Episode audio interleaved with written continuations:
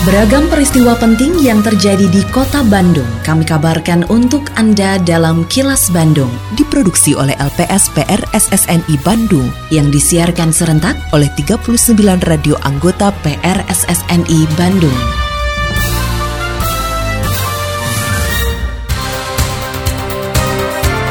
Sejumlah informasi aktual kami hadirkan untuk Anda dan inilah informasi utamanya.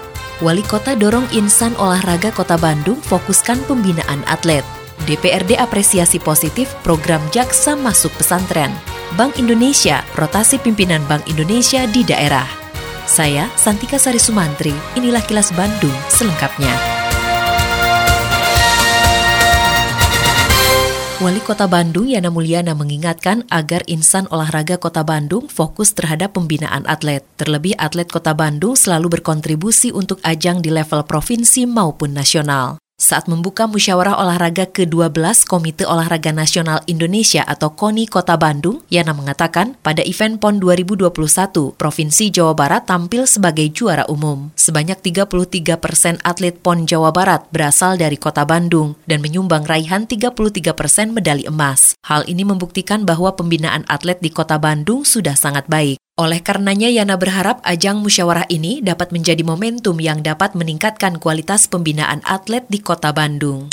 Mudah-mudahan kegiatan Borok ini selain mengevaluasi uh, apa yang sudah dilakukan oleh Wali Kota Bandung sebagai mitra pemerintah dalam urusan keolahragaan, pembinaan, olahraga prestasi amatir Kota Bandung.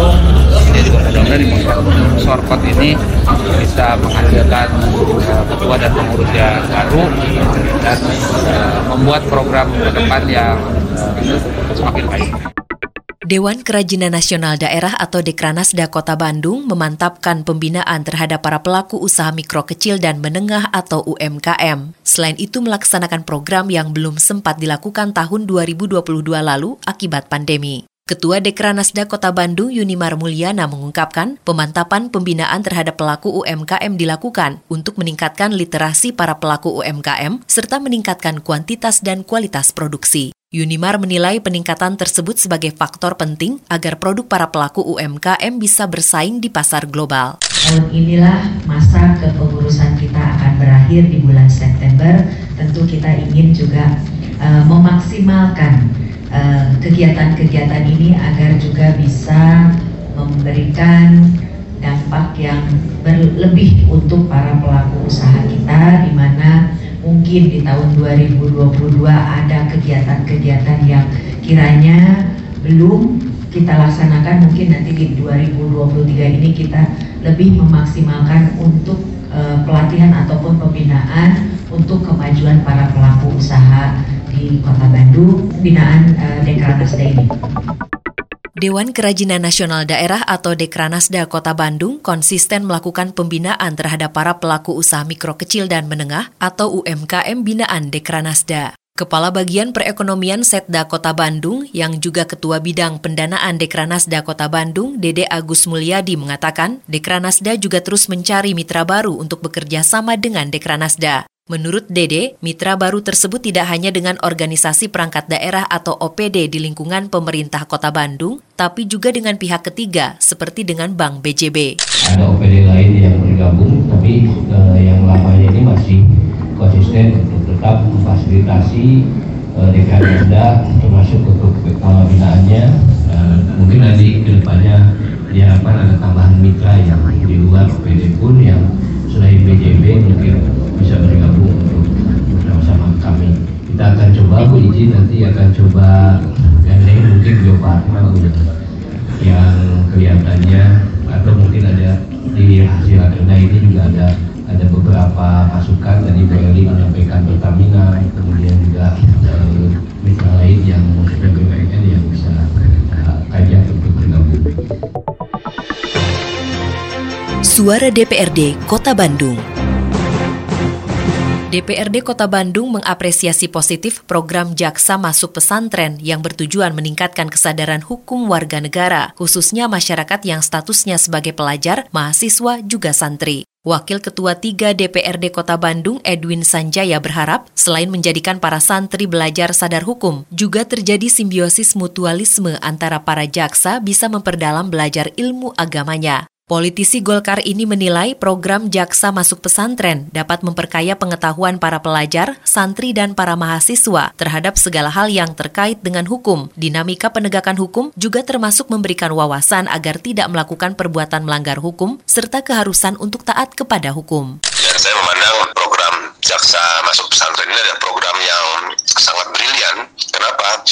karena dapat memperkaya pengetahuan para pelajar atau para santri dan mahasiswa ini terhadap segala sesuatu yang terkait dengan hukum. Dinamika penegakan hukum juga termasuk memberikan wawasan agar tidak melakukan perbuatan melanggar hukum dan keharusan untuk taat kepada hukum. Termasuk juga saya berharap pihak kejaksaannya juga. Ya mudah-mudahan dengan mereka masuk pesantren juga di sisi yang lain terjadi simbiosis mutualisme. Para santrinya, mahasiswanya belajar tentang aspek hukum, kesadaran hukum, jaksanya juga belajar tentang nilai-nilai takwa kan begitu. Supaya para jaksa ini juga dalam melaksanakan tugasnya mereka benar-benar menegakkan keadilan dan kebenaran kan begitu ya.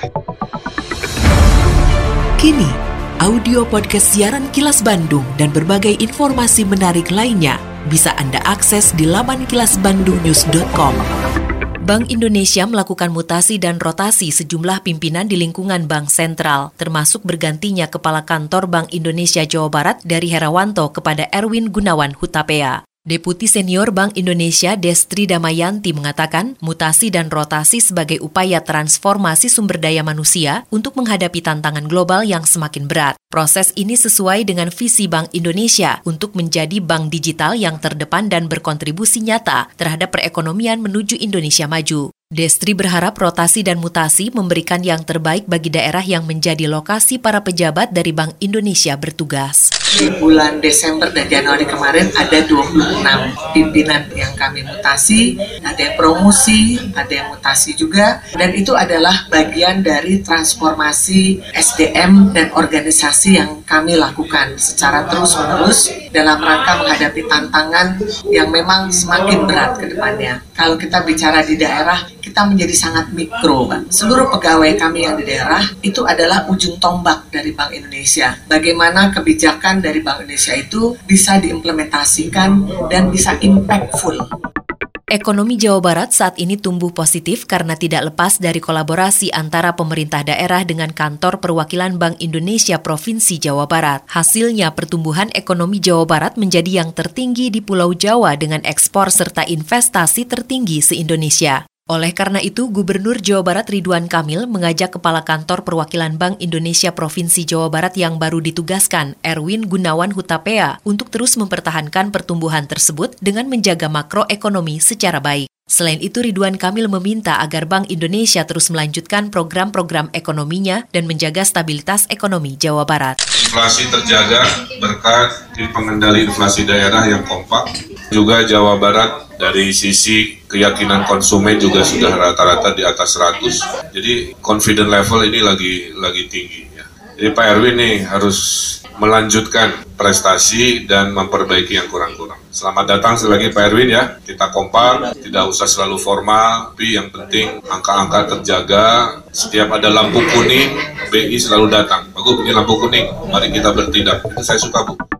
Setelah menilai ratusan peserta yang berpartisipasi dalam Radio Challenge Seru, maka lima orang juri yang mewakili berbagai format siaran radio di Bandung memutuskan para pemenang kompetisi siaran virtual ini. Juara satu atas nama Zahra Amalia Putri, juara dua Kartika Nugraha, juara tiga Tia Amalia Nisrina, selain itu juara favorit satu atas nama Erika Salma Irawan, dan juara favorit dua Mutiara Senja. Penyerahan hadiah bagi para pemenang dilakukan selasa sore ini di Radio Maestro FM Bandung Jalan Kaca Piring. Selamat untuk semua pemenang yang beruntung dan terima kasih banyak kepada semua peserta yang turut ambil bagian. Semoga industri radio di Bandung makin tumbuh kesuksesannya dan mendengarkan radio menjadi keseharian masyarakat Bandung.